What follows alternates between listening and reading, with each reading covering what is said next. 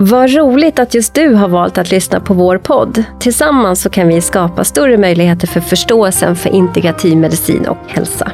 Är du intresserad av det så bli gärna medlem i vår förening och en del av vårt nätverk. Mer information om det här kommer i slutet av avsnittet. Vi spelar in på Studio Arten Soul i Sjöstaden i Stockholm och vid min sida den trofastaste producenten man kan tänka sig, Fredrik Ankarsköld. Min gäst idag är Åsa Nilssonne. Varmt välkommen! Tack!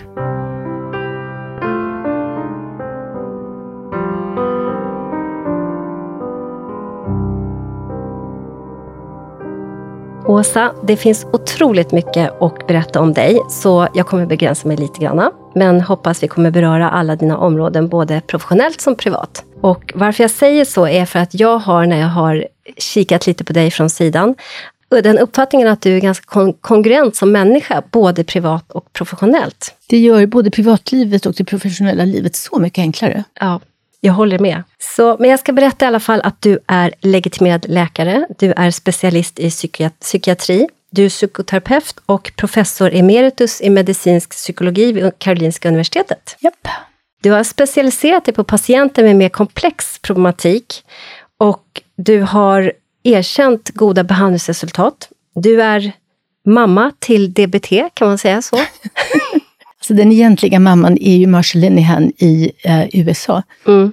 Men eh, jag är väl kanske barnbarn eller någonting sånt där. Mm. Och den som tog hit det till Sverige? Ja, mm. tillsammans med Anna Kover. Mm. Mm. Och DBT är ju dialektisk beteendeterapi. Mm. Vill du berätta lite vad den eh, går ut på? Ja, men det var ju så här att i läroböckerna så stod det att människor som hade det som då kallades för borderline personlighetsstörning, de var inte kapabla, eller de kunde inte ta till sig terapi. Och så hade man en massa otroligt nedsättande skäl till detta. De var för infantila, de hade inte tillräckligt stark jag, de var för impulsiva och så vidare. Och så vidare, och så vidare. Och sen så dök det upp en, en människa i USA, då, denna Marshall Linehan, som skapade en terapimetod som var särskilt designad för folk med den här typen av svårigheter. Och hon sa, vilket jag tyckte var så befriande, hon sa så här, ja, sa hon, men om man har en kirurgisk operationsmetod som inte funkar, då skyller man inte på patienten i allmänhet, utan då tänker man ju att vi måste förbättra metoden. Precis. Och då sa hon att det är ju likadant inom psykoterapin, att om vi har en patientgrupp som inte blir bättre av den psykoterapi vi har, då är det väl rimligt att försöka hitta en bättre metod. Och då bestämde hon sig för att det skulle hon göra. Borderline-problematik idag kallas för instabil personlighetsstörning. Ja, eller emotionellt instabil. Emotionellt instabil. Vilket ju beskriver vad det är för någonting. Ja. Borderline är ett väldigt gammalt begrepp. Det var ju när man trodde att de här personerna låg mellan psykos och neuros, om man ska använda det gamla psykoanalytiska sättet att klassificera folk. Och det gör de ju inte. Så det var ju fel på en massa olika sätt. Mm, just det. Men eh, hon tänkte så här att om man är i ett extremt laddat känslomässigt tillstånd, alltså man har panik eller man är djupt förtvivlad och självmordsbenägen och så vidare, då finns det inte särskilt mycket utrymme, varken för att lära sig någonting nytt eller för att ändra på någonting. Vilket gäller för alla människor. Nej men exakt, det ja. gäller för precis ja. alla. Mm. Och det gäller för hästar och hundar ja. och så vidare också. Så det, det är en så väldigt basic princip. Men då tänkte hon, om vi nu sitter med folk som ganska ofta är i sådana här extrema känslolägen, och vi inte kan ändra på någonting, och vi inte kan lära dem någonting, vad kan vi göra då? Och det var ju två saker hon kom fram till då. För det första, att man måste ju kunna acceptera. Nu är det så här, vi kan inte göra så mycket, men jag kommer fortsätta ta hand om dig, vi kommer fortsätta att jobba på. Vi får vänta ut det här och sen när du är i lite bättre balans så går vi vidare. Och hur gör man för att acceptera? Och så säger hon så här, ja, sån, i nästan alla psykoterapihandböcker så handlar det ju bara om hur man förändrar förändringsmanualer, det var det, 600 sidor. Hon var väldigt sådär, hon var rolig, rolig att lyssna på. Men hon hittade ingenting om hur gör man för att acceptera när det inte går att förändra. Så det var en av de sakerna som hon tillförde som var lite nytt. Och det andra var, tycker jag, en respekt för den smärta som de här personerna lever med. Hon sa någonstans att emotionellt instabila, eller hon sa borderline då, för att det var ju det, det var ju då, då. Mm. är som personer som har tredje gradens brännskador i själen. Och förstår man det, att den här personen har väldigt ont. Men har en person tredje gradens brännskador så går man inte liksom runt och petar på dem och puttar på dem och flyttar på deras säng och så vidare. Utan man förstår att, att här måste man bara hantera den här personen väldigt försiktigt. Så det var väl de två sakerna, bland annat. Det var mycket, men det, det var det som tycker jag ligger i grunden. Alltså att terapeuterna skulle lära sig inte bara förändring utan även acceptans. Och att man, man skulle förstå hur smärtsamt livet var för patienterna. För att i samma ögonblick som man förstår det så blir man ju mer försiktig, mer respektfull och mer hjälpsam. Mm. Väldigt humant. Väldigt humant. Omvårdnadsmässigt, alltså ja, det finns en omvårdnad, ja. en, alltså en ja, djup vördnad för mänsklighet, eller liksom det mänskliga psyket. Ja, det finns ju mycket värme där ja, för de här patienterna som ju var då och fortfarande är ganska missförstådda. Man uppfattar, har ju betraktat dem som jobbiga och besvärliga och manipulativa och, och på något sätt sett på dem med väldigt negativ blick. Och det kan ju aldrig bli särskilt bra, alltså vad man än ska göra, om man ska gifta sig med någon eller om man ska köpa en häst.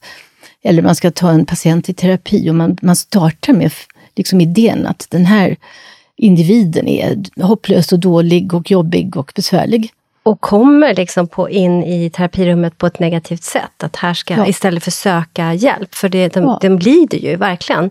Men jag, jag vet, jag började också jobba som mentalskötare på 90-talet. Ja. och, och med, de här, med den här synen på borderline. Ja. Jag vet precis. Ja. När man då satt sen som mentalskötare och pratade med de här borderline-patienterna och började lära känna dem, så, ja. så, upp, så framträdde ju någonting helt annat. Ja, men eller hur? Mm.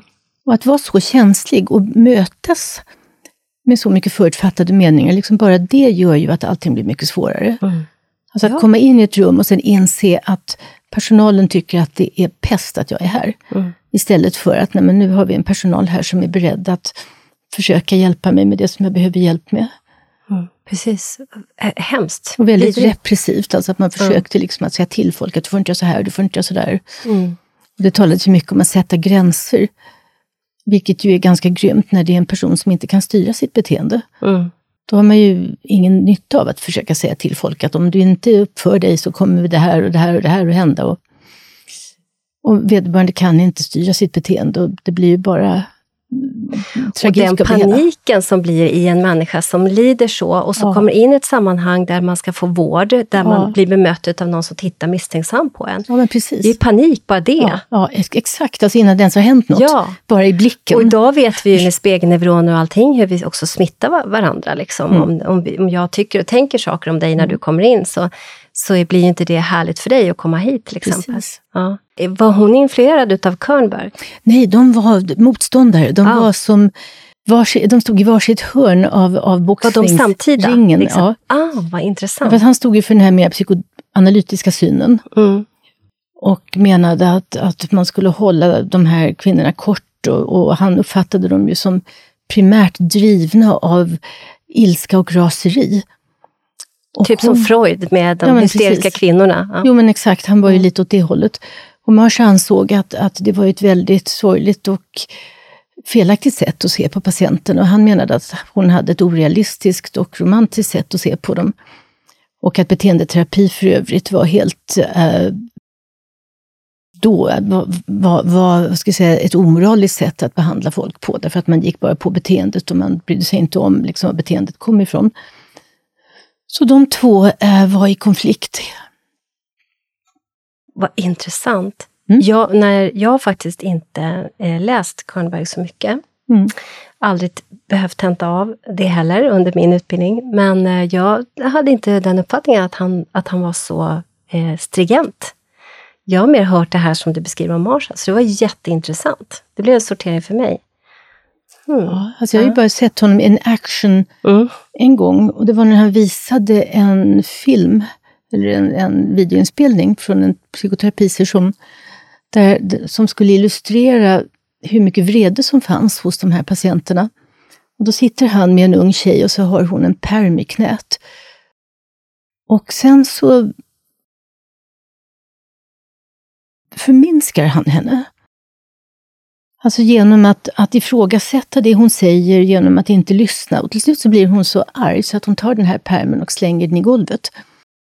Och, och då hade han bevisat sin tes?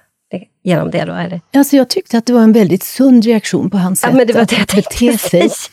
Och han tyckte att han visade liksom vilken ostyrbar vrede och aggressivitet som fanns hos den här personen. Så att jag har nog en lite...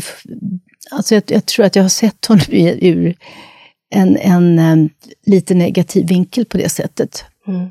Jag tycker alltså, också det att det låter som en stund. Jag hade också reagerat med det förmodligen, ja. eller gjort någonting annat till slut. Det lilla jag såg av honom så var det en mm. person som jag inte hade skickat någon patient till. Nej. Men han hade ju hög status och han var ju eh, produktiv när han skrev. Så att, ja. Men så var det i alla fall med Marsha och ja. Kernberg. Ja, och eh, jag tänker DBT har ju erkänt goda behandlingsresultat för den här patientgruppen.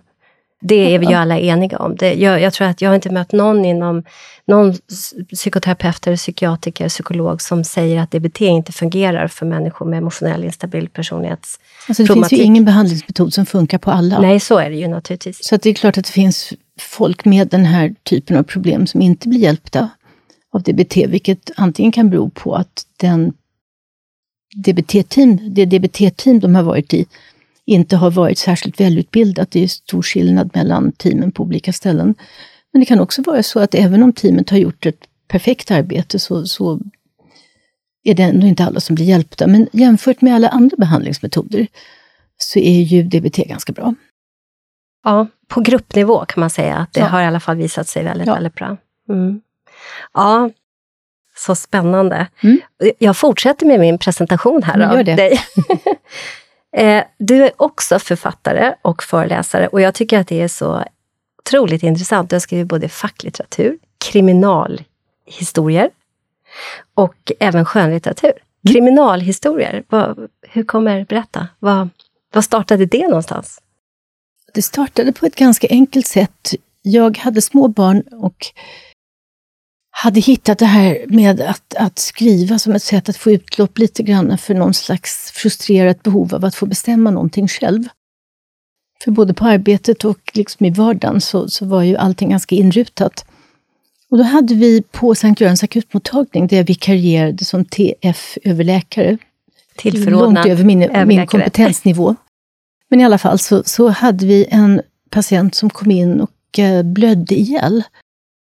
Vilket ju är ganska ovanligt på en akut, psykiatrisk akutmottagning. Han hade sådana här stora brock i matstrupen för att han hade äh, lever, han skrumplever. Mm. Och äh, när det hände så, så blev det ju väldigt upprörda känslor på avdelningen. Och då skrev jag en bok med den här, det här dödsfallet i centrum. Och så beskrev jag hur åtta personer hade upplevt det. Så tänkte jag att nu har jag skrivit någonting väldigt djupsinnigt om tillvarons subjektivitet, för att alla de här personerna upplever ju situationen på, på sitt eget sätt. Men förlaget som jag till slut hamnade hos, de, de tyckte inte att historien hade tillräckligt med struktur. Och så att de tyckte att jag skrev bra, och, men de ville ha mer struktur. Och jag kunde inte för mitt liv...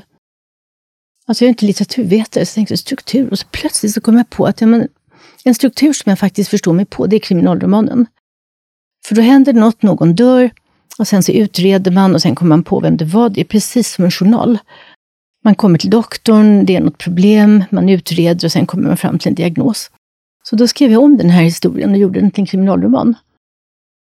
Och då blev de jätteglada och gav ut den. Ja, och det, sen blev det flera av den. Och du hade en, en huvudrolls, huvudrollskvinna. Ja, jag hade en kvinnlig polis då, som inte var vacker. Jag var så trött på alla, alla böcker där, där alla kvinnor var obeskrivligt vackra. Med smala midjor, stora bröst och gröna ögon och långt hår som de svischade runt med. Så jag tänkte att, att en kvinna som inte är ful, men bara ser ut som, som folk gör mest, det skulle vara intressant att ha som huvudperson. Och det fick jag kritik för sen. Folk tyckte att hon var lite blek. okay. Men jag försökte ge henne ett intressant yrkesliv. Därför att jag försökte beskriva en kvinnlig yrkesmänniska som, som verkligen vill någonting med sitt arbete. Som blir polis därför att hon vill skydda de svaga mot de starka. Som blir polis därför att hon har ett samhällsengagemang. Och det måste väl ändå kunna vara lika intressant som gröna ögon och smala midjor. Mm, verkligen. Och sen så använde jag då de här kriminalromanerna för att se om jag kunde, ja men ungefär som den här podden. För jag tyckte att psykologin i många skönlitterära böcker eller kriminalromaner var så usel. Så jag tänkte man skulle kunna skriva med modern psykologi, modern motivationsteori. Det var ingen som upptäckte. Och sen försökte jag skriva om kvinnors situation. Det var ingen som upptäckte det heller, så nu låter jag lite bitter. Men jag hade liksom någon slags idé. Och sen skrev jag två stycken som utspelar sig i Etiopien. Jag tänkte nu skulle man kunna berätta lite mer om Etiopien, därför att folk vet, många svenskar vet inte så mycket. Och det gör ju faktiskt du, för du, har ju, du är uppväxt i flera olika länder. Ja. Thailand, Etiopien, vad var det mer? Det var något mer? Eh, Libanon också. Ah, Libanon. Och eh, Norge och Marocko. Mm. Men det funkade inte heller det här med att skriva kriminalromaner från Etiopien. De finns för övrigt på Storytel ifall det är någon som undrar. Ja. Är det du som läser in dem? Eller nej, någon annan? nej, lyckligtvis inte. Nej, men det är faktiskt ett, det är ett, ett yrke i sig att kunna läsa in saker och ting så att det blir riktigt bra. Så, Så senaste så är det en fantastisk människa som heter Angelica Kovacs som har läst in. Hon är, är liksom Mm. Ja, briljant. så det tip- tipsar vi verkligen om. Mm. Men i alla fall då så var jag i Etiopien tre gånger för att skriva den ena boken. Jag gick runt och praoade med några kvinnliga etiopiska poliser. Jag fick följa med dem runt. Jag var och pratade med kvinnliga studenter på deras polishögskola. Och sen så får jag kommentaren, och här kommer bitterheten nu, sen så får jag kommentaren från en recensent. Skildringen av Etiopien, ett av världens fattigaste länder, övertygar inte. Och då- är du har både bott liksom- där och du har gjort research och varit på plats. Och, Precis. ja. Och jag vet inte hur man ska vara funtad som person för att kanske ta en publikkonflikt med den här recensenten. Det är en sån här sak som man inte får göra som författare, man får inte gå ut och klaga på en recensent. Men jag hade ju kunnat göra det. Eller jag hade kunnat bjuda ner någon, någon journalist och säga häng med mig, jag ska gå ner och göra research i Etiopien. Skriv om det här, ta en bild av mig med poliserna. Så att, ehm, nej. jag Du gjorde inte det? Nej, jag gjorde inte det. Jag förstod inte att det skulle... Jag tänkte liksom inte på det. Det, Det, det hade varit bra reklam för böckerna. det är sånt där som man tänker på efteråt, men inte innan. Men så var det i alla fall med kriminalromanerna. Mm. Vad roligt. Så de är fem stycken till, sin, Ja. till, till sitt antal. Mm. Och sen skönlitteratur. Ja, det är ju inte roligt att fastna i ett fack, så då tänkte jag att jag skulle skriva lite andra saker också. Så jag har skrivit ett antal böcker som egentligen kretsar kring det här temat med att kropp och själ inte längre kan hållas isär. Att vi, det blir tokigt om vi tror att vi kan säga väldigt mycket om psykologi utan att ha en susning om hur hjärnan fungerar, inte ha en susning om de psykologiska principer. Jag menar, alltså man tänker sig att man är skönlitterär författare och man egentligen har som enda kunskapskälla sina egna reaktioner. Det kan man i och för sig ha. Det är ju helt legitimt förstås, men man kan inte generalisera så mycket utifrån sig själv. Så att jag har försökt att skriva böcker som, som väver ihop det som vi nu vet om hur hjärnan fungerar, hur, varifrån våra tankar och känslor och handlingar kommer ifrån, med den subjektiva upplevelsen av ett agerande jag. Så jag har skrivit en bok som heter H, där berättarjaget är hippocampus. Så jag har liksom flyttat ner, jag ska säga berättarjaget en nivå från hjärnan och in i liksom en liten del av hjärnan.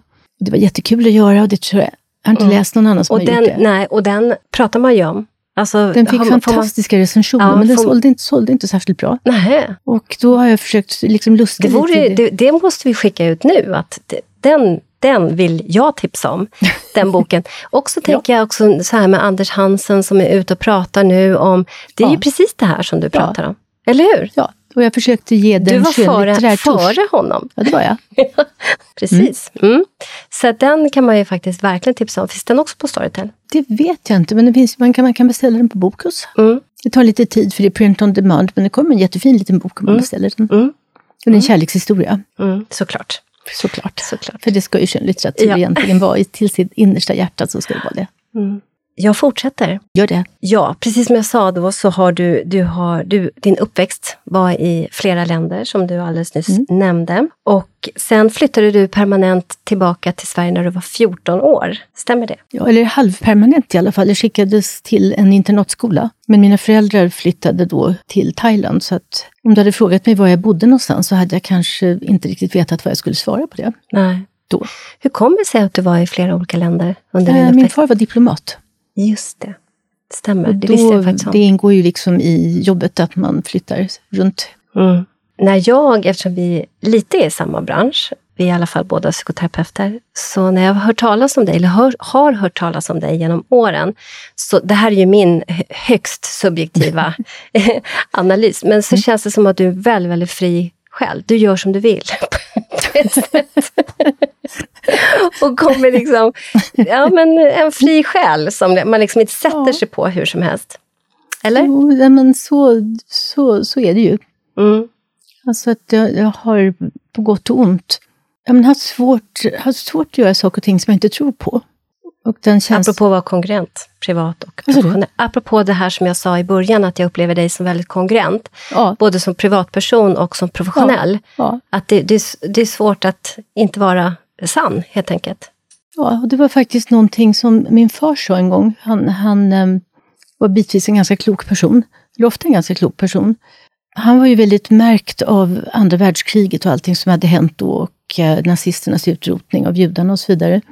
Och han sa en gång väldigt allvarligt men jag var ganska ung, så sa han så här att, att eh, vad du än gör så kommer det alltid vara ditt ansvar i slutändan. Och du kommer aldrig att liksom med rent hjärta kunna säga att jag gjorde det här bara för att chefen sa till mig att jag skulle göra det, eller jag gjorde det här därför att alla andra gjorde det. Utan du måste alltid kunna ta ansvar för dina egna handlingar. Och hade folk gjort det lite mer så hade det varit mycket svårare att ha de här stora utrotningslägren. Därför att de som arbetade där, de var ju inte några onda människor egentligen. Men däremot så, så ja, men de gjorde som de blev tillsagda och alla andra tyckte att det var okej okay att, att, eller även om de inte tyckte okej okay, så gjorde de det i alla fall. Så han inskärpte det i mig på något sätt, att gör ingenting som du inte kan stå för. Och tro inte att du kan skylla ifrån dig. Mm. Och det har jag haft med mig i bakhuvudet. Det är ju det där att det just utifrån, och andra världskriget var ju väldigt, väldigt, väldigt allvarlig kris om man ska prata kriser. Men jag ja. tänker att man, vi lär oss saker. Jag har ju också morföräldrar som flydde hit till Sverige från, från Estland. Vad säger du? Det visste jag inte. Nej, från ja. andra världskriget. Och, det, och jag har också med mig det här med att behovet av att vara fri och också förstå hur ja. människor i grupp kan bete sig ja. och vad de kan göra. Ja. Och vilka fatala konsekvenser det kan ha. Och därför också både liksom personligt och professionellt inte kan gå dit än att stå för det jag faktiskt kan stå för. Alltid. Det är ju någonstans det positiva när vi är med om någonting så allvarligt som det. Men det pågår ju allvarliga saker idag också. Det gör ju det och mm. då måste man ju välja sina strider lite grann. Men um, när, när vi då arbetar professionellt så måste vi ju då, som jag ser det, försöka hitta ett sätt att arbeta på som ändå känns etiskt rimligt. Och som om senare någon kommer och säger, men varför gjorde du så där? Så kan man åtminstone svara därför att jag fattade det beslutet. Jag hade den här kunskapen och den här kunskapen hade jag inte och därför verkade det rimligt att göra så här. Vi ska aldrig hamna i en situation, tycker jag, när man, när man då måste falla tillbaka på att jag jag vet inte varför jag gjorde det, det var för att de sa till mig att göra det, för då har man inte tagit sitt ansvar som vuxen yrkesmänniska. Mm. Så tänker jag. Ja, jag, jag, håller helt med. Jag håller på att förbereda en föreläsning jag ska ha på lördag om ja. trauma, psykologiska trauma. Mm. Mm. Och då har jag ett patientfall. En mm. patient som jag har haft, som jag också i, i, är i dialog kring föreläsningen. Hon ja. vet om att jag ska... Visst är det spännande när ja. de vill vara med? Det är så roligt. Ja. Det, det, är verkligen så roligt. Och då sa jag till henne, så här, vad, vad upplever du var det mest avgörande? Och jag tänkte ju liksom allting vi har gjort med, ja men allt, vi har gjort massa saker hon och jag och jobbat ganska många år. Mm. både liksom individuellt och visuellt och ja men allt. Vi har gjort ja. jättemycket par och med mamma och allting. Och då sa hon så här, men det mest avgörande var när du sa, hon hade en upplevelse att, men, att hon skulle vara fel. Att hon men, inte kunna stå för och inte och så ja. vidare. Då sa jag så här, men om du i varje enskild stund, och det är ju svårare än vad det låter nu, kan stå där med rak rygg, ett varmt hjärta och vänliga ögon, även om du säger nej, så kommer du aldrig ångra, då kan du alltid stå för det du säger. Eller då kan du alltid stå kvar. Och det där. kom, och det, du vet det här ja. i psykoterapi, den där sekunderna ja, ibland som man bara... Ja. Säg någonting, det apropå det du säger. Ja. För då kan man alltid stå kvar och säga att jag, alltså det kanske blev jättefel, ja. men, men jag hade ett rent hjärta när jag gjorde det. Jag trodde så här, jag kan stå för det. Och det gäller egentligen i barnuppfostran, i professionella kollegor eller vänskap, kärleksrelationer, vad det än är för någonting. Mm. Det är spännande. Ja, verkligen. Mm. Jag vet ju också idag att du, eh, du jobbar med psykoterapi fortfarande. Gör du det? Jag har en, en patient kvar faktiskt ja. som, som håller på och sätter ut mediciner som jag håller, mm. har kontakt med. Men, men jag har i princip slutat. Mm. Någon gång måste man ge sig och uh, jag tycker den tiden har kommit nu. Jag är 73. Mm. Mm. Är du det? Ja. Va? jag har aldrig trott. Ja, ja men, men det är väl sen man lever som en fri människa, då det är anti-aging i sig. Eller vad säger man? men då, då osökt kommer vi in på att du faktiskt eh, Vi var ju lite i dialog innan podden, här nu, poddavsnittet, och att du är psykiatriken som blev psykoterapeut och som vill slå ett slag för att vi ska lära oss att leva med våra vardagskänslor, även de smärtsamma, istället för att se dem som symptom och sjukdom och försöka bli av med dem snarast. Är inte det en ganska snitsig formulering av typ 50 års erfarenhet? jo, det är det verkligen. Men berätta, vad, vad blir din... Du, du har ju ett engagemang i det här. Nej, men jag startade ju precis som alla andra läkare med någon slags... Um, man skolas ju in i att man ska lära sig att känna igen sjukdomar, man ska lära sig att skilja sjukdom A från sjukdom B. Man ska lära sig att förstå symptom, man ska lära sig att tolka sina fynd. Och sen när man har fått kommit fram till en diagnos så ska man då veta hur ska det här behandlas. Så det är på något sätt den mindseten som en läkare som blir psykiater går in i psykiatrin med. Och sen efter ett tag så tyckte jag att den modellen stämde väldigt dåligt inom psykiatrin. Och framförallt så tyckte jag att det kändes väldigt olustigt att eh, behandla saker och ting som man inte riktigt visste vad det var med farmaka som man inte riktigt visste hur de fungerade och som ibland fungerade väldigt dåligt. Så då bestämde jag mig för att um, sluta arbeta psykofarmakologiskt och skaffa mig en psykoterapiutbildning istället. För att om man bortser ifrån från en del sådana här lite akuta eller mer dramatiska tillstånd så kan man ju göra i stort sett allting som man kan göra med farmaka kan man också göra med psykoterapi. Och det kändes tryggare.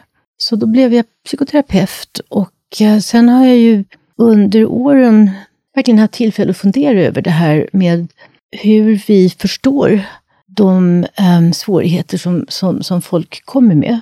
Och mer och mer har blivit övertygad om att mycket av det som, som vi man sätter en diagnos på i själva verket är ganska rimliga reaktioner på sånt som händer. Alltså det är rimligt att bli väldigt rädd om man är i en situation som är väldigt hotfull. Det är ganska normalt att ha en panikattack. Och det kan jag berätta om, för det, det tyckte jag var en sån här, ett, ytterligare ett exempel på hur svårt det kan vara att, att förmedla sig. Jag har skrivit en bok som heter Processen som handlar om min, just den här resan som vi talar om nu. Och då tänkte jag att om jag nu vill slå ett litet slag för att normalisera extrema känslolägen, så ska jag ta och berätta om en panikattack som jag hade.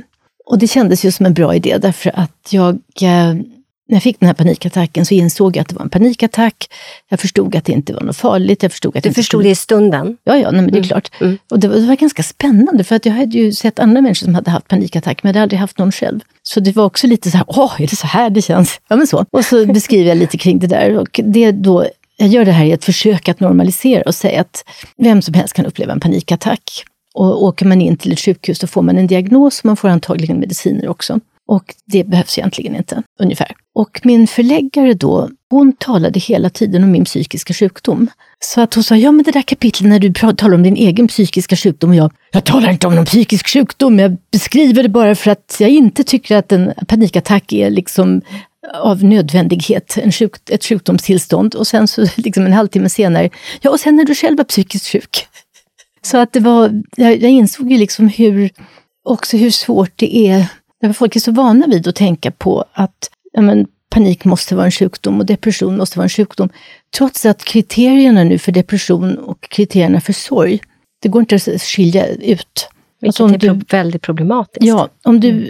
hamnar i en normal sorgreaktion, vilket de flesta människor gör någon gång i livet när, när man förlorar någon som har stått en nära, då uppfyller man alltså alla kriterier för depression och det är ju helt bisarrt att vi har det på det sättet. Mm. Det är det verkligen. väldigt problematiskt. Ja. Därför att man kapslar också in sorgen. Och man får, I alla fall är det min erfarenhet, att om en människa som är i sorg, som är någonting högst normalt och som vi behöver komma igenom för att kunna fortsätta växa i livet, ja. den blir liksom cementerad om patienten får eh, till exempel antidepressiv behandling då. Ja, för då är man liksom bara inne på att symptomen ska bort, utan att, precis som du säger, se att det här är en normalpsykologisk process som vi går igenom för att kunna komma ut på andra sidan och skapa oss ett nytt liv utan den här personen eller utan den här platsen eller vad det nu är för någonting vi sörjer. Och ju mer jag började se det så och ju mer jag började också se på de kvinnorna som jag träffade, för att DBT var då framtaget bara för kvinnor, så vi jobbade bara med kvinnor. Och jag hade förmånen att få följa patienterna, ja, men som du sa tidigare, år efter år. Och då får man ju en så annorlunda bild jämfört med om man bara ser någon en gång eller två gånger och sen så är det uppföljning, liksom, eller ingen uppföljning. Och då har man ju ingen aning om egentligen vad det har blivit för resultat av det man har gjort. Men när jag mer och mer kunde se hur den nedstämdhet som, som folk hade, hur realistisk den var och hur förankrad den var i faktiska förhållanden. Och hur mycket bättre den blev när de faktiska förhållandena blev uppstyrda. Alltså man, man hjälper folk att förbättra sina relationer till exempel. Oh, men då kan jag sticka emellan med en liten grej. Ja, mer Den bästa depressionsbehandlingen som, mm. som um, jag har hört talas om, som en av våra handledare som heter Alan Frusetti, som för övrigt har kommit ut nu med en bok om relationer med starka känslor. Han hade ett projekt som funkade så här att han startade med deprimerade kvinnor. Och sen så, då de diagnostiserade enligt konstens alla regler och de skulle vara gifta. Och sen så släppte han kvinnan och sen så kallade han in männen. Och sen så behandlade han bara männen. Vad gör du för att underlätta för din fru? Hur visar du din fru uppskattning? Vad tycker din fru om det här? Vad skulle du kunna göra som skulle få din fru att känna sig mera trygg i sig själv? Hur skulle du kunna lösa konflikten med dina svärföräldrar? Allt det där.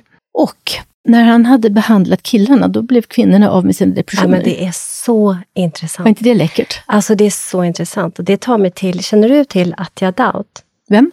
Attia Daut, också Nej. Eh, en forskare på KI som har tittat på barn som kommer, alltså invandrarbarn som kommer från svåra områden ja. med ADHD-problematik. Mm. Eh, nej, nu måste jag tänka efter hur, om det var mammorna, traumatiserade mammor. Från, ja. I alla fall från krig ja. eh, som har kommit hit, flytt hit och där barnen uppvisar ADHD-symptom. Mm. Och då vet vi att symptom för ADHD kan också vara exakt samma, apropå att ja, eh, precis, ju... som otrygga anknytningsmönster, stress, ja. trauma och så vidare. Och, och då behandlat mammorna. Och då tillfrisknar barnen. Ja, exakt. Mm.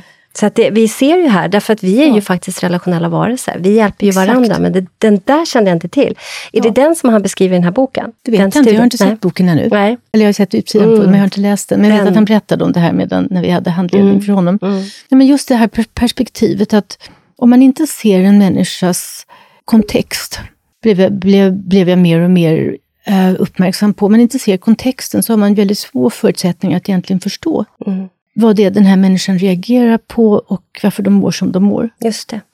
Ja, men det är ju samma behandlingsstrategi som de har uppe i Tornedalen där professor Jacku Seikkula, han är professor i psykoterapi, han har i omfattande forskning visat att det så kallade nätverksorienterade behandlingsstrategin öppna samtal, där det är ett professionellt team som samlar ihop alla runt den personen som har en nydebuterad psykos, just för att man, när man gör det väldigt fort då, inom två dygn, så kan man se att eh, psykosen inte manifesteras helt enkelt. Att de har ett väldigt, väldigt stort eh, antal som faktiskt inte sen insjuknar, utan visar bara symptom på det.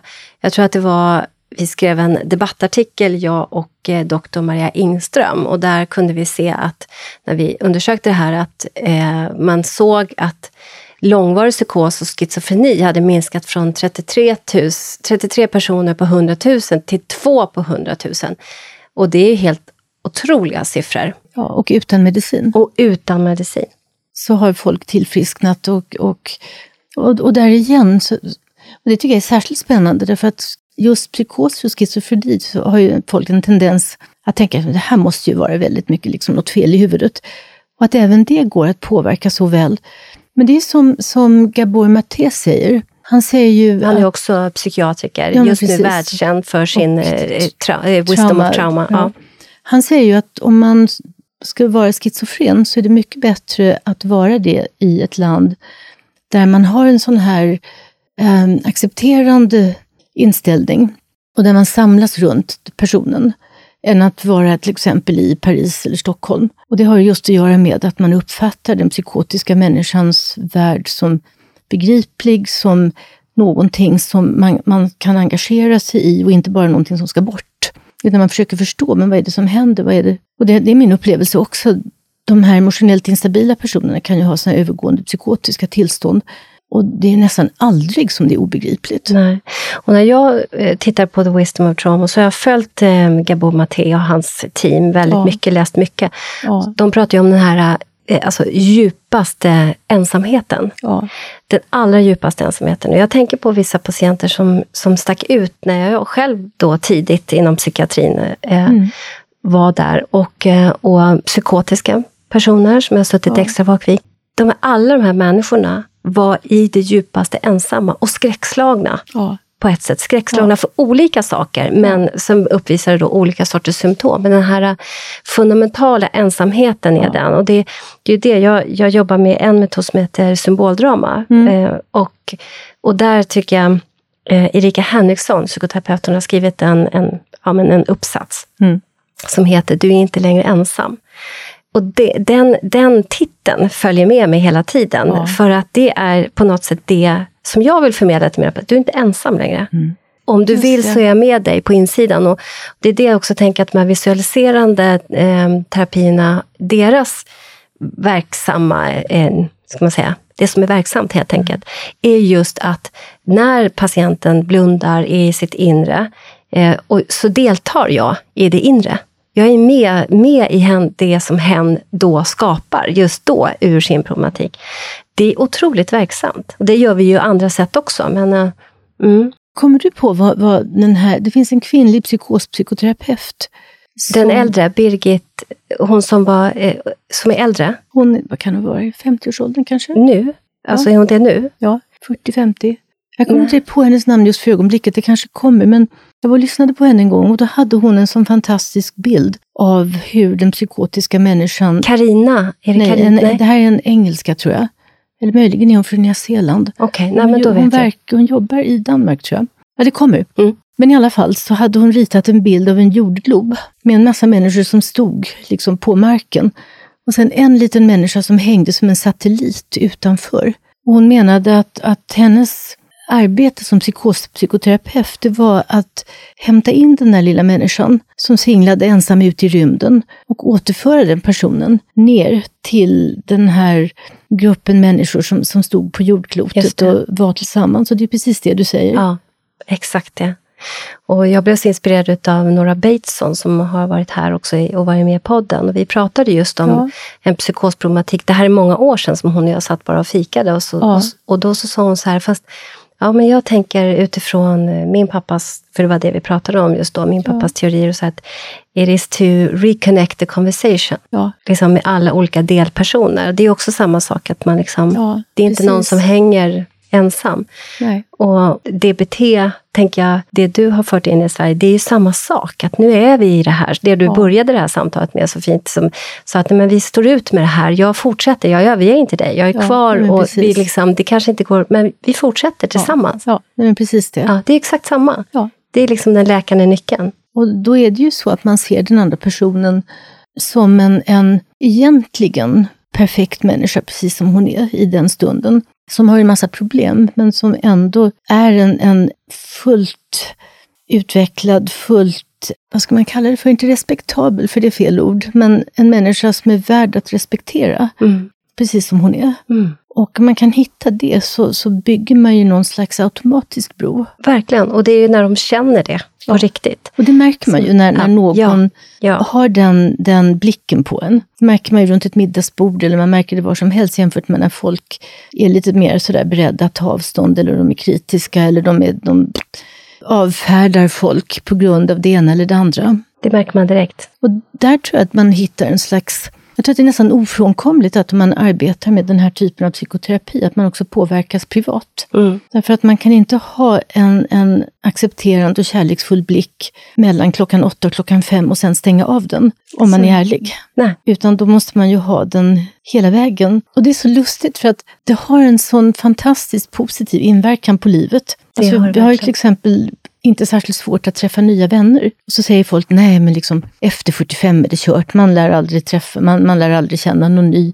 Ja men du vet, och så vidare. Och det tror jag sitter väldigt mycket i den egna blicken. Ja. Att om man är beredd att se de människorna som man har runt omkring sig, så nog 17 så, så hittar man folk som man tycker... Hela tiden. Ja, Hela tiden, och det är fantastiskt. Ja. Men, men det börjar sluta med en själv.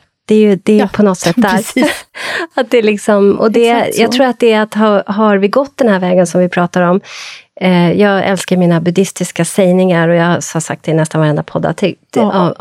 men att vi ser inte världen som den är, vi ser världen som vi är. Vi ser inte den andra som den är, vi ser världen, den andra som vi är. Så kommer vi med en öppenhet, ja, ja men då öppnar sig ofta, inte alltid förstås, nej, nej. Det, så är det ju, ja. utan, men, men de finns där. De finns där och man hittar mm. dem. Och det är också faktiskt en, en av DBTs grundpelare, en, en slags buddhistisk syn. Är det det? Ja. Mm. Det är en av, av grunderna. För det här, det, dels har man acceptansen där. Mm. Dels har man den existentiella kunskapen om att livet är smärtsamt, som ju är en grundidé inom buddhismen. Att man inte tänker att livet borde inte vara smärtsamt, utan man bara accepterar att livet är smärtsamt.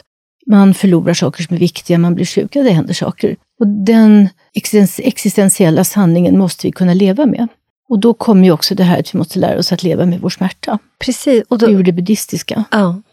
Skillnaden på ACT och DBT, Vet alltså, du vad det är? ACT har ju inte så mycket aktiva interventioner, utan det ligger väldigt långt åt acceptanshållet. Och DBT är ju smockfullt med aktiva interventioner, alltså ungefär som vilken beteendeterapi eller KBT som helst. Man använder allt. Alltså hade man varit i ett kök så hade det inte funnits ett enda redskap som inte var fullt av olja och deg och så vidare. Så att man, man är mycket mer aktiv och mycket mer uh, ändå fokuserad på att, att ska hjälpa folk att förändra det som, som um, behöver förändras. Jag är inte utbildad i DBT, men däremot när jag läste boken Mentalisering, mm. där beskriver de ju DBT och då tänkte jag så att ja, men jag jobbar ju sådär. Jag jobbar ju med massvis med de här interventionerna och väldigt tangerar till just hur, hur att man är aktiv liksom och, pra, mm. och hållande och acceptans och så. Och det är ju verkningsfullt. Jag jobbade en gång på Riksförsäkringsverkets sjukhus i Nynäshamn.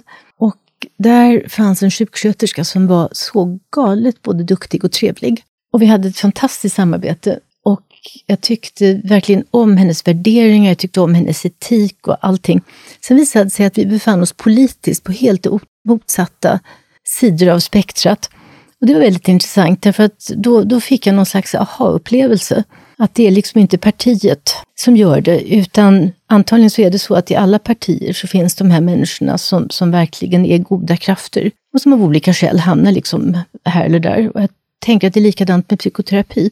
Att i alla psykoterapiformer som jag har hört talas om så, så har jag träffat folk där jag bara tänker att wow, den här människans arbetssätt uppskattar jag verkligen. Mm. Så att, tänker att ju mer man håller på, ju mindre intressant är det ju egentligen vad man sätter för etikett. Ja. Det finns ju en spännande studie, eller det finns säkert fler, men en som jag har sett, där man hade tittat på terapeuter som hade olika inriktning och så frågade man dem, vad gör du, vilka interventioner använder du dig av, vad tror du det är som är verksamt, bla bla bla. Och sen så spelade man in dem och sen så hade man studenter som satt och skårade alla deras interventioner. Det visade sig att det fanns alltså ingen korrelation i den studien mellan vad de sa att de gjorde och vad de faktiskt gjorde. Just det.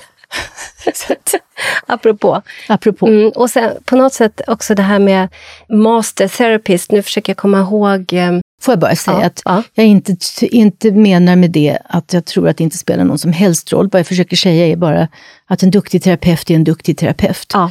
Oavsett vad de arbetar har, inom för paradigm. Precis. Och det, det, jag förstår. Och det, ja. och det har ju också forskning visat. Ja. Det har ju kommit de här jättestora forskningarna där man tittar på de som är såna här master, så kallade ja. masterterapister, ja. de som inte har samma behandlingsutfall. Att till ja. syvende och sist så kommer man fram till, jag tror att det var tre eller fem kriterier. Att det, terapeuten är väldigt aktiv i rummet, mm. det vi pratar om, gör väldigt mycket att eh, terapeuten ser på patienten som en, an, som en eh, likvärdig människa. Ja. Att, att terapeuten kan mycket, har en hög ut, alltså har en ja, är utbildad, ja. men ständigt eh, misstror att man gör någonting bra i rummet. Den fanns också med. och jag tänker okay. så här, när man har ja. tänkt på det, är att nej men då försöker, alltså inte att man sätts på höga hästar och så här, det här vi pratade om förut med mm. borderline-patienter, att de är typ terapiresistenta, utan faktiskt säga, men vänta nu här, då är det jag som måste göra någonting ja, annorlunda. Och, det, det, det, och ja. då, jag tror att har man den inställningen, så här, men jag gör allting bra, så då är det du som inte ja, kan ta emot min jätte perfekta behandling, utan ja. att man istället är ödmjukt, så här, men vänta, då mm. måste jag tänka ut någonting annat, då måste jag göra någonting ja. annat. Så den ingrediensen tyckte jag var jätteintressant på just när mm. masterterapist. Vad sa jag? Så var jag uppe i tre eller fyra? Tre var det. Ja. Jag kommer inte ihåg riktigt de andra. Jag vet att man också skulle vara rätt framåtlutad och det var en massa ja, olika ja, nycklar. Men ja. jag tänker att det, det, visar bara på engagemanget. Att det, det händer någonting i det inte subjektiva fältet där faktiskt terapeuten tar ansvar för processen i rummet, och, eh, men har en medpartner i rummet också. Ja. ja. Nej, det är spännande. Och innan det här poddavsnittet så skickade du till mig en, en text som för mig personligen var helt fantastisk. Jag som privat är väldigt eh, intresserad av buddhismen och eh, yoga. Jag yogar väldigt mycket, mm. mindfulness och andningsövningar mm. och sånt, vilket jag också tar med in eftersom jag specialiserar mig på komplext trauma, som man faktiskt också vid forskning vill på, säga också kan vara det som egentligen emotionellt instabila ja, personligheter. Att det är samma, liksom, apropå. Liksom. Ja. Och tänk när vi sa det i mm. början, mm. så skrattade folk åt oss. Ja. Vi sa att det här är traumarelaterat mm. och de bara mm. mm. Och nu liksom så känns det som att... Ja, ja nu, bara, nu är det sanning. Ja, Eller, precis. Ja. Och, och det är ju sant också. Ja. Alltså det, det, vi som jobbar i rummet med människor, eh, börjar man jobba med deras svåraste relationella trauman så blir det läkning i rummet. Eller hur? Ja. Och det, det är fantastiskt att se det. Och löser man de knutarna så blommar ju en helt ja. perfekt människa ut. Ja. Eller perfekt ska man inte använda, men en, en mm. glad, fungerande... Ja.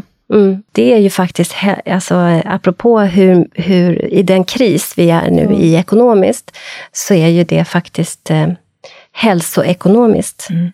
Försvarsbart att föra in de här mer vidare begreppen av psykoterapi. Så bara en sån sak som att en av de här sista patienterna som jag tog, hon berättade för mig, vilket vi inte hade talat om alls, men hon berättade att när hon blev av med sina flashbacks och när hon blev av med sin skam, så blev hon också av med sin huvudvärk och mm. sitt ryggonda och eh, en massa sådana här diffusa symptom som hon hade gått till doktor, doktorn för. Mm. Gång på gång på gång på gång. Och nu var det färdigt med läkarbesöken. Mm. Alltså vilken mm. besparing ja. samhällsmässigt. Det är helt otroligt. Och det, det, och det här, alltså, ja, mest förstås för hennes skull. Ja, såklart. Men även samhällsmässigt. Ja. Så är det. För det, det är många där ute som lider av det här. Ja. Och, och då skickar du den här texten till mig som du har skrivit i Fri tanke. Är det din? Är det du som har Fri tanke?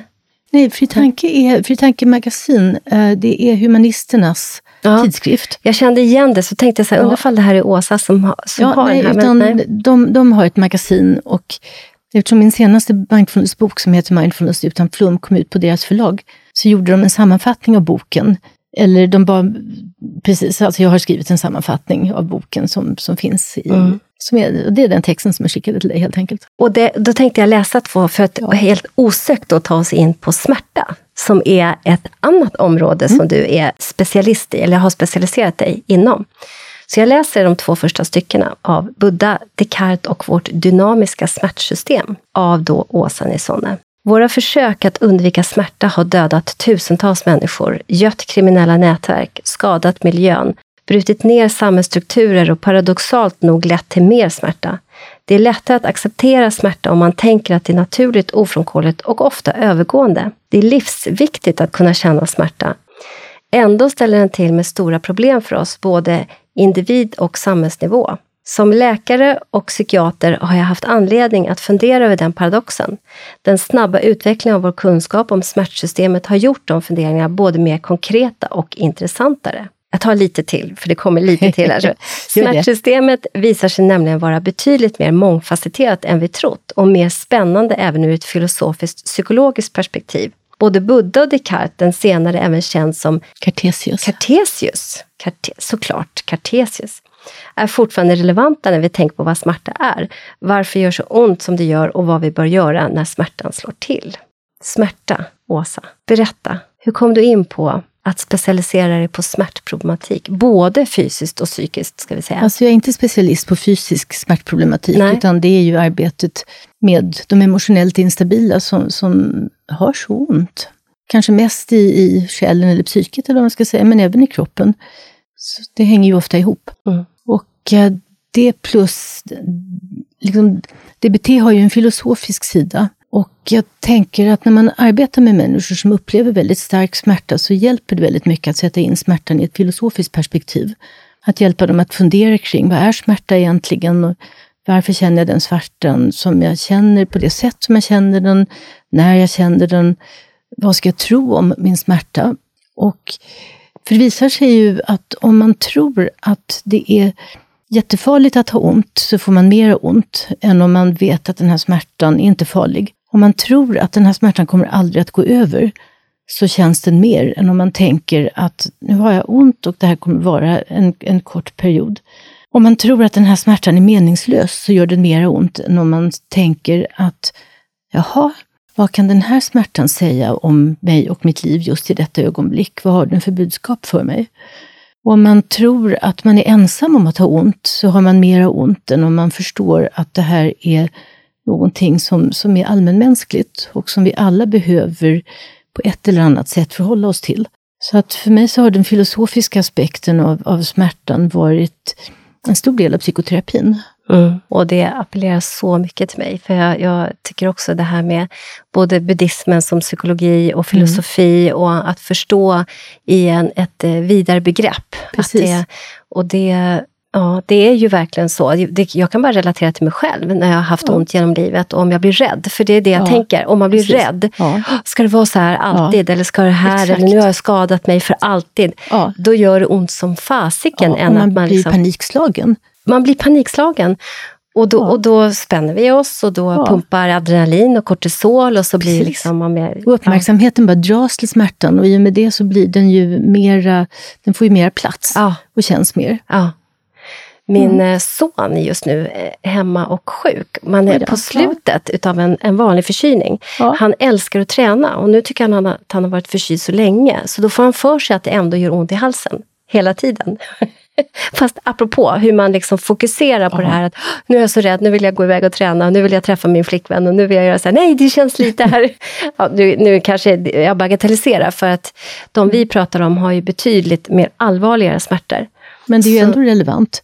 Ja. Det här, om vi letar efter någonting som är ont så hittar vi nästan alltid det. Ja. Och om vi fokuserar på det så kommer det göra mera ont. Och om det är en banal smärta, en sån där som man kan få när man har suttit för länge i samma ställning eller något sånt där, så kan man ju faktiskt berätta för hjärnan att den här smärtan vill jag inte bli informerad om längre, för den är inte farlig, det tillför ingenting, du ska tänka på någonting annat. Mm. Och då kan man ju få sig själv liksom att släppa medvetenheten om smärtan. Så det är mycket som kan, kan påverkas, som vi ibland inte alltid tänker på att vi kan påverka. Mm, verkligen så. Jag var på en såg en dokumentär i tisdags om fascian. Denna kroppsstrumpa som man liksom har kommit på nu. Du vet den där, det vita på fläskfilén som man skär bort. Det är en del av fascian. Och att i den, säger man i den här dokumentären, så går informationen i kroppen snabbare än i nervtrådarna. Det är deras senaste liksom, idé. Och, och då tänker jag på det här med just smärtan, att, vi, mm. att det kan, alltså vi kan påverka den så mycket med kanske vår tankeskraft, men att det också sker massa saker. Det är så mycket kommunikation i kroppen. Som vi inte har egentligen brytt oss om så, att, så mm. mycket. Mm. Och, och, där tror jag att det kommer att hända spännande saker framöver. Alltså, det skulle vara så roligt, jag ska inte nämna några namn, men det finns en nyligen utnämnd politiker som talade om vaccin. Och så säger hon så här, kan man vara säker på, hon är vaccinkritisk, kan man vara säker på att vaccinet stannar i armen? Och då tänker jag, hur är det möjligt att en människa idag inte förstår att det är väl klart som sjutton att vaccinet inte stannar i armen. Nej, det var verkligen... Men hennes vision av hur kroppen fungerade var uppenbarligen att om man fick en spruta i armen så skulle vaccinet liksom ligga kvar i armen. Oj. Och att om vaccinet inte gjorde det så var det farligt. Ja. Så att det finns ju en sån otroligt stor, stort behov av bara information om ja. hur kroppen fungerar, ja. hur och inte minst då när det gäller smärtan och nerverna och fascian och alltihopa. Och hur mycket lättare det kommer att vara att vara människa när vi har lite, den informationen mm. lite mer på plats. Mm. Och hur ska man göra då, då? Hur ska man få ut det? För jag tänker att just politiker, om vi nu tar politiker, ja. och för oss som har jobbat inom psykiatrin. Alltså, jag har ju varit också nu ganska länge inom, inom den världen. Ja. Eh, eftersom jag har fyllt 50 själv, att eh, politikerna har liksom haft massa beslut och tagit massa beslut som inte alls har lett alltid så bra. Och det handlar och vi på golvet, eller vi som jobbar där med patienterna, vet ju att det här är ju okunskap som gör att de tar de här besluten. Ja. Va, va, vad ska vi göra åt det? Man kan, man kan ha en podd till exempel ja. och bedriva lite så här allmän ja. upplysning. Man kan skriva böcker, man kan skriva, ja, som den här lilla artikeln nu som du citerade. Mm. När jag skriver lite om olika smärtsystemen och hur de påverkar varandra. Och alltid är det väl någon som läser då. Mm. Kanske den personen äter middag sen med folk och säger, hörni, vet ni vad, jag har just fått reda på att vi har ett uppåtgående smärtsystem och ett nedåtgående, det hade jag ingen aning om. Har det med vagusnerven att göra? Vad sa du? Har det med vagusnerven att göra? Alltså uppåtgående smärta eh, och Nej, ner? det har det inte. Nej, men nej. det visar sig att tidigare så trodde man ju att smärtsystemet bara gick liksom, till exempel från pekfingret som man har klämt sig och upp till hjärnan. Men det visar sig att vi har ett nedåtgående system. Mm. Och det är med... den vi använder när vi vill lugna oss? Eller? Ja, alltså det kan ju framförallt göra att, att fingret gör mer eller mindre ont. Mm. Därför att det nedåtgående systemet kan reglera hur ont det gör i fingret beroende på vad vi tror om hur farligt det är, det som har hänt i fingret. Och det är ett litet ställe i hjärnan som heter periaqueductal gray som kopplar ihop vår kunskap och våra minnen med det nedåtgående smärtsystemet. Jag tycker det var helt fantastiskt när jag alltså, upptäckte det. det. Jag hade ju ja. ingen aning. Det var när jag började researcha mindfulness-boken. But it makes sense. Alltså det är ju verkligen, det, ja det är klart att det är så. Det har vi bara inte tänkt ut att det är, att det är ja. logiskt. Och det är det vi gör med bland annat acceptans. Ja, exakt. Ja. Och vi gör ju det med våra mentala smärtor också. Mm. Alltså att vi, vi kan moderera dem som vi var inne på tidigare.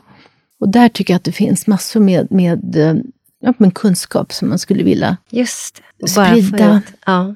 Men jag tror att det kommer. Jag tror att, att det finns ju en sån enorm potential just nu för att få ut mm. information via nätet och via jag vet inte vilka kanaler som, som hela tiden dyker upp.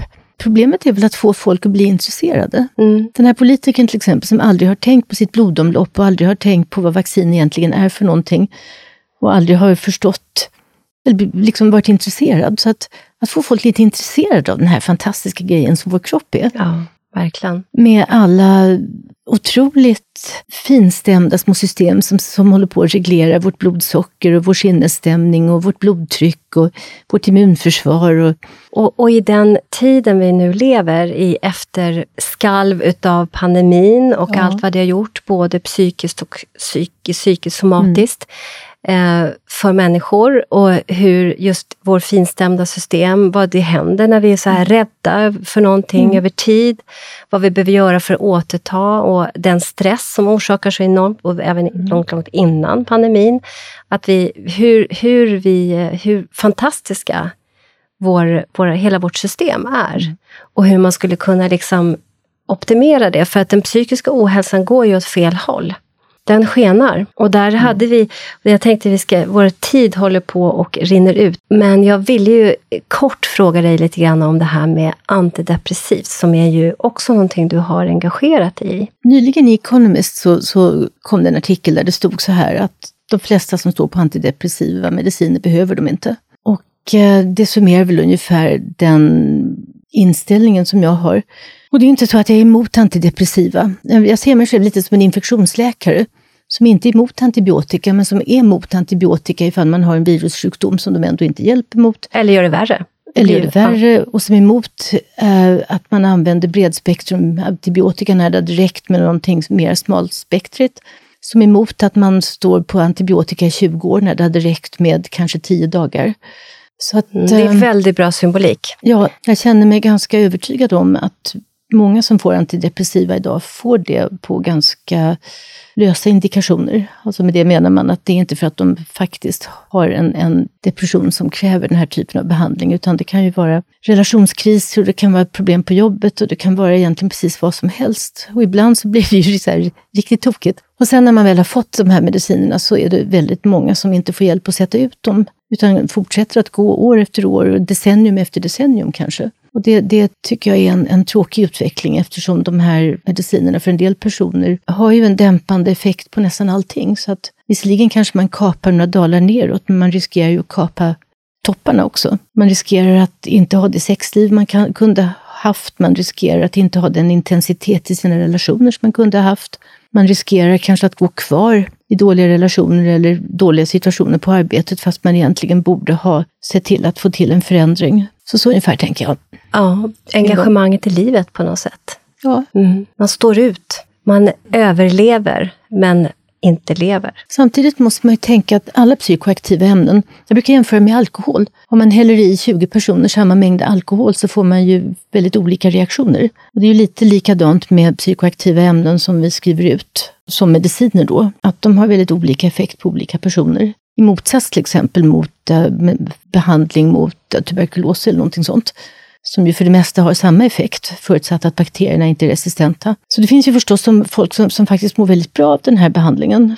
Och I så fall så är det ju bara bra. Men sen så finns ju alla de som antingen inte blir hjälpta alls eller som, som faktiskt mest får biverkningar och inte så många positiva effekter. Vad är de vanligaste biverkningarna på SSRI, SNRI? Alltså dels finns det ju kroppsliga biverkningar av olika slag, men de kan vi skippa. Men jag tycker att de som är mest intressanta rent psykiatriskt, det är just den här upplevelsen av att ah, det spelar inte så stor roll. Alltså en viss likgiltighet, en viss brist på eh, attack i livet, om man ska säga. Mm. Grit viss, eller driv, eller vad ska man säga? Driv är ett väldigt ja. bra ord. En viss bristande upplevelse av att saker och ting egentligen spelar så stor roll. Är det det som man eh, framförallt eh, utomlands kallar för careless syndrome, som kan komma med SSRI? Ja, det är ju det där att man inte riktigt bryr sig om konsekvenserna. Ja, just det. Lite careless. Ja. Liksom. ja. Okej, okay, jag köper mm. väl den här grejen för 5 000 fast mm. jag inte har råd egentligen. Ja, typ. just det. Mm. Och sen ska vi inte glömma bort sexlivet, eftersom det är så många unga som, som medicineras. Och en av de sakerna som man ska göra när man är ung, det är ju liksom att man förstår sin egen sexualitet. Och har man då lagt ett dämpande, har man då dämpat den, så, så blir det mycket svårare att orientera sig när man inte riktigt vet vad man tycker om, och vad man inte tycker om, och vad man vill och vad man inte vill och hur någonting känns. Mm. Så är det. Mm. Innan vi slutar så ska jag bara fråga dig, är det någon som du skulle tycka vore väldigt viktigt för oss att bjuda in som gäst här i podden? Och vilken rolig fråga. Dels det första som kom, poppar upp, det är Rickard Wixell som är psykolog och som har arbetat mycket med ACT, eftersom du frågade om det, framför allt vid smärttillstånd. Sen tycker jag att ni skulle ta in, eller du skulle ta in någon hundtränare. Ja, Just det, det var inte ens berört. Därför att eh, folk som tränar hund måste kunna skapa ett samarbete. De måste kunna reglera känslorna i hundträningssituationen så att hunden liksom är glad. Det liknar psykoterapi väldigt mycket. Jag håller med, jag har två hundar. Ja, hur många har du? Jag har två också. Men jag tycker det skulle vara jätteroligt om du tog in någon ur den världen som, som kunde berätta lite hur de tänker när de arbetar med en individ som inte har något språk. Mm. Utan man måste använda andra kriterier för att försöka förstå. Just ja, men kan vi forcera nu eller ska vi pausa? Mm. Eller förstår du det här eller har du inte förstått? Det ordlösa språket. Ja. Otroligt viktigt. Tack ändå, för den. När man ändå, för det är ju, hundträning tycker jag är väldigt likt färdighetsträning. Och väldigt mycket av det som man gör i psykoterapi handlar ju om att lära folk nya saker och nya sätt att hantera gamla situationer och så vidare. Så det tycker jag ni skulle ha. Det ska vi göra. Gud vad roligt.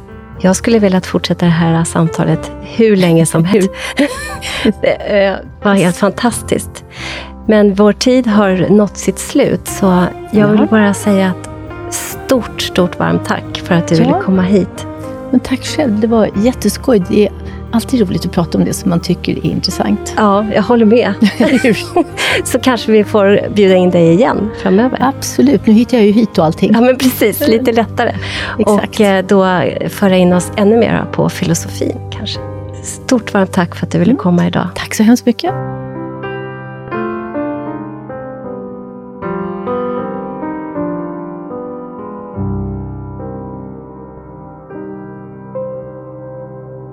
Både och istället för antingen eller, en podd om integrativ medicin och hälsa är skapad och drivs av Svensk förening för integrativ medicin och hälsa, FIM.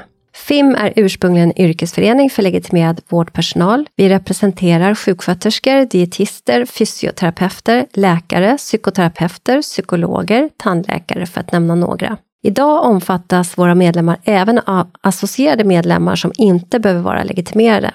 Föreningens arbete vilar mot den vetenskapliga grund för integrativ medicin och hälsa som finns, såväl svensk som internationell och på systemisk förståelse av människan i sin miljö. Vår förenings arbetssätt har hittills varit att arrangera konferenser, seminarier och folkbilda genom att sprida information, exempelvis via sociala medier.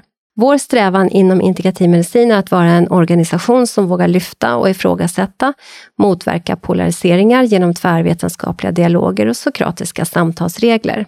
Vi vill kartlägga forskning som bedrivs, även internationellt, och hålla koll på aktuella forskningsresultat om behandlingsmetoder, både vad det gäller den etablerade vården liksom den vård som bedrivs utanför den etablerade vården.